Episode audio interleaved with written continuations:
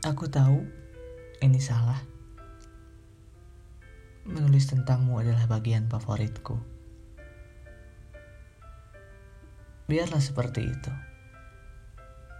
Aku tahu aku kalah. Aku sudah mencoba untuk pindah. Tapi jujur, hati ini berkata lain. Ia memaksa untuk tidak menyerah. Dan aku pun tidak ada niat main-main. Bertahun-tahun aku menunggu, hanya melihat dari jauh. Aku tahu, aku pengganggu. Tapi, apa aku sekarang menjadi perusuh?